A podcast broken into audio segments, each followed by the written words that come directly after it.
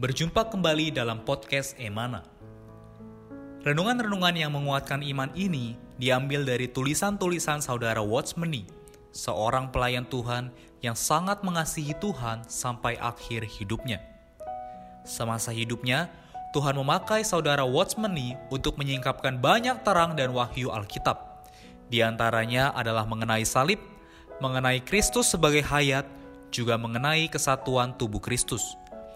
Kami berharap kehadiran podcast Renungan Emana, khususnya di masa pandemi virus hari ini, dapat menghibur dan menguatkan iman Anda. Podcast Renungan Emana dapat Anda dengarkan melalui aplikasi Emana dan Spotify. Anda dapat menghubungi kami pada nomor hotline Emana di 0851 5677 2397. Sekali lagi Anda dapat menghubungi kami pada nomor hotline Emana di 0851 5677 2397. Buku-buku saudara Watchmeni secara lengkap dapat Anda peroleh di toko buku Yasmerin, Tokopedia, Google Playbook, atau di website resmi yasmerin.com. Selamat menikmati seri renungan hari ini. Salam sejahtera saudara-saudari, para pendengar podcast Emana sekalian. Puji Tuhan, kami bersuka cita bisa kembali melayani saudara-saudari. Dengan saya, Saudara Dita Gus, ditemani oleh rekan saya, Saudara Jeffrey. Halo, Saudaraku. Halo, Saudaraku, Saudara Ade Bagus. Apa kabar? Baik, Saudara. Amin. Tuhan. Amin. Ya, amin. Malam ini kita akan membahas satu buah judul, Saudara Jeffrey, yang adalah Janganlah seperti bangsa-bangsa yang tidak mengenal Allah. Ayat Alkitab diambil dari kitab Matius pasal 6 ayat 7 sampai 8. Lagi pula dalam doamu itu, janganlah kamu bertele-tele, seperti kebiasaan bangsa-bangsa yang tidak mengenal Allah. Mereka menyangka bahwa dengan banyaknya kata-kata doanya akan dikabulkan. Jadi, janganlah kamu seperti mereka, karena Bapamu mengetahui apa yang kamu perlukan sebelum kamu minta kepadanya. Puji Tuhan, melalui ayat dan judul ini, ada satu pertanyaan yang mungkin bisa dijelaskan, Saudara Jeffrey. Sebenarnya apa sih yang dimaksud berdoa seperti bangsa-bangsa yang tidak mengenal Allah? Judulnya meminta kita supaya kita tidak berdoa ya, seperti bangsa-bangsa yang tidak mengenal Allah. Nah, itu maksudnya bagaimana? Amin. Ya, puji Tuhan. Kita terus belajar uh, sampai hari ini kita terus belajar bagaimana berdoa dengan tepat ya. Dalam judul ini kita diingatkan lagi supaya kita jangan seperti apa janganlah kita berdoa seperti bangsa-bangsa yang tidak mengenal Allah. Ya maksudnya di sini adalah uh, waktu itu Tuhan Yesus mengajari murid-murid ya bahwa dalam hal berdoa mereka perlu jelas tidak boleh berdoa seperti bangsa-bangsa yang tidak mengenal Allah. Tentu maksud dari ayat ini adalah ditujukan kepada kita hari ini juga ya. Kita orang-orang percaya adalah orang percaya kepada Tuhan ya. Maksudnya bangsa-bangsa yang tidak mengenal Allah ini adalah orang-orang yang tidak percaya kepada Tuhan Yesus sebagai Tuhan. Amin. Tetapi kita bersyukur kita adalah orang yang percaya kepada Tuhan Yesus sehingga kita bisa belajar berdoa dengan tepat ya. Apa yang dimaksudkan berdoa jangan seperti bangsa yang tidak mengenal Allah? Di dalam ayat ini jelas sekali dikatakanlah eh, dikatakan jangan kamu bertele-tele ya. Bertele-tele ini artinya adalah ketika berdoa kita tidak boleh mengulang-ulang dengan sia-sia ya. Mengulang kata-kata yang sama dengan sia-sia. Ya, misalkan ada yang berdoa dengan satu kata tertentu selama setengah jam ya. Ulang kata-kata itu terus ya. Nah, itu itu ya seperti bangsa yang tidak mengenal Allah. Tidak ada bedanya dengan orang membaca mantra ya. Tapi doa kita tidaklah demikian. Kemudian eh, berdoa juga bukan tergantung banyaknya kata-kata doa kita ya. Ya bukan berarti yang sedikit kata-kata adalah benar, tidak demikian. Ya. Tetapi berdoa kita uh, sebagai orang Kristen kita harus nampak setelah kita percaya Tuhan, roh Tuhan ada di dalam roh kita ya. Amin. Uh, kemudian yang kedua ada firman Allah yang di luar. Jadi jika kita mau belajar berdoa dengan tepat, kita harus mengikuti pimpinan roh Tuhan yang ada di dalam diri kita dan juga seturut firman-Nya. Inilah doa-doa yang uh, tepat ya, doa yang sejati. Amin. Amin. Amin. Ya, betul ya. Tadi dikatakan bahwa janganlah kita seperti bangsa-bangsa yang tidak mengenal Allah ketika kita berdoa. Artinya di dalam doa kita janganlah bertele-tele ya sekarang ya. Amin. Artinya hanya mengulang satu perkataan-perkataan yang kosong dan monoton. Terus Ya. menerus mengulang perkataan yang sama. Lalu yang kedua, di dalam doa kita perlu menggunakan roh kita, juga firman Tuhan ya, Amin. untuk memimpin kita di dalam doa. Amin, puji Tuhan.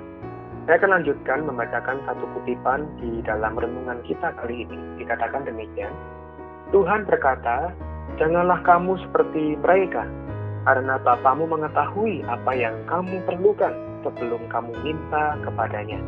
Nah ini mungkin bisa dijelaskan lebih detail, Saudara Jeffrey. Jadi Amin. Bapak kita ini mengetahui ya, Amin. bahkan sebelum kita meminta kepadanya. Nah, Puji Tuhan. ya, puji Tuhan ya.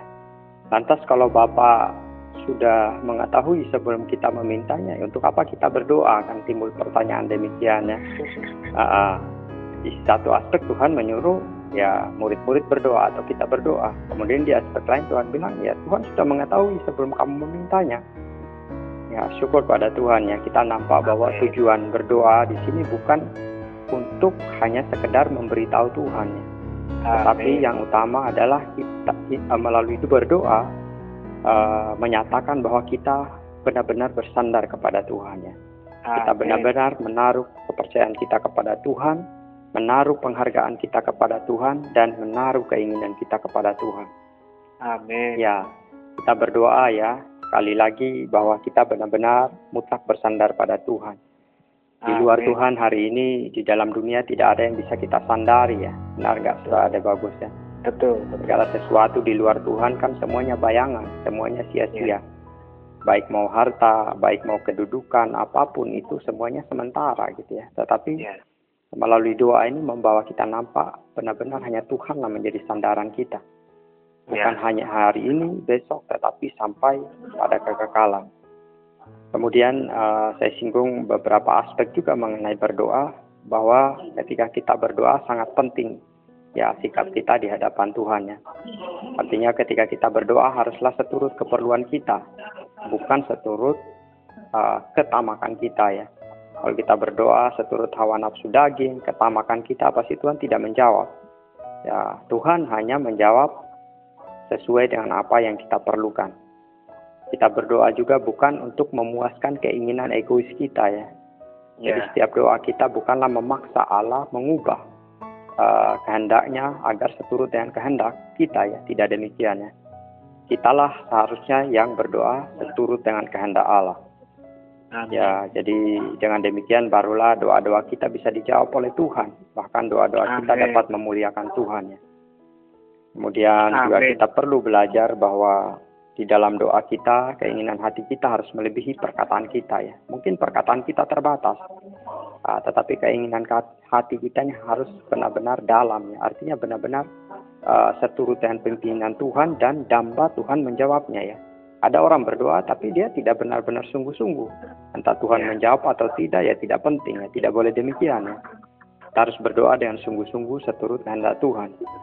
Kemudian di aspek lain kita harus percaya ya kepercayaan kita terhadap apa yang kita doakan yang seturut dengan kehendak Tuhan harus lebih kuat daripada perkataan kita ya. Amin. Ya, puji Tuhan. Amin. Amin. Betul ya tadi Saudara Jeffrey mengatakan saya juga jadi berpikir ya. Kalau Tuhan tahu sebelum kita meminta, lantas mengapa kita harus berdoa ya sebenarnya? Iya. Tadi benar. puji Tuhan tadi dikatakan bahwa tujuan dari doa kita itu adalah melalui doa kita boleh bersandar kepada Tuhan, percaya kepada Tuhan, bahkan menaruh penghara, penghargaan kita juga ya kepada Tuhan. Amen. Sebab di luar Tuhan ya tidak ada yang bisa kita sandari. Ya, Manusia itu mungkin bisa mengecewakan kita. ya. Tapi Tuhan adalah Dia yang bisa kita sandari. Amen. Yang kedua tadi juga dikatakan sangat baik ya. Doa itu bukan kita memaksa Tuhan untuk menjawab apa yang eh, kita inginkan menurut ego kita ya atau Ya, kemampuan alamiah kita. Tapi di dalam doa uh, membawa kita justru bisa mengenal kehendak Allah Amen. dan bahkan membuat kita bisa berdoa bagi kehendak Allah itu. Amen. Wah ini sangat uh, menerangi ya saudara-saudari sekalian. Amen. Semoga di dalam kehidupan kita ya kita memiliki doa-doa yang sedemikian. Amin. Amin. Puji Tuhan. Puji Tuhan. Amin. Baik, kita tutup dalam doa. Sama-sama berdoa. Amen. Oh Tuhan Yesus, terima Amin. kasih Engkau mengajari kami lagi bagaimana berdoa. ya. Tuhan, kami sungguh mau terus belajar Tuhan, sehingga kami tidak berdoa seperti bangsa-bangsa yang tidak mengenal Allah. Amin. Tuhan, kami mau berdoa sebagai murid-murid, sebagai anak-anakmu yang mengenal di Kau ya Tuhan. Terima Amin. kasih di Kau Allah Sang Roh sudah tinggal di dalam roh kami. Kau Ya. memimpin kami bagaimana berdoa. Amin. Yesus seturut dengan kehendakmu dan juga seturut dengan firmanmu. Tuhan, bimbing kami berdoa setiap hari seturut dengan kehendakmu ya Tuhan. Amin. Dalam namamu kami berdoa. Amin. Amin. Baik, terima kasih Saudara Jeffrey.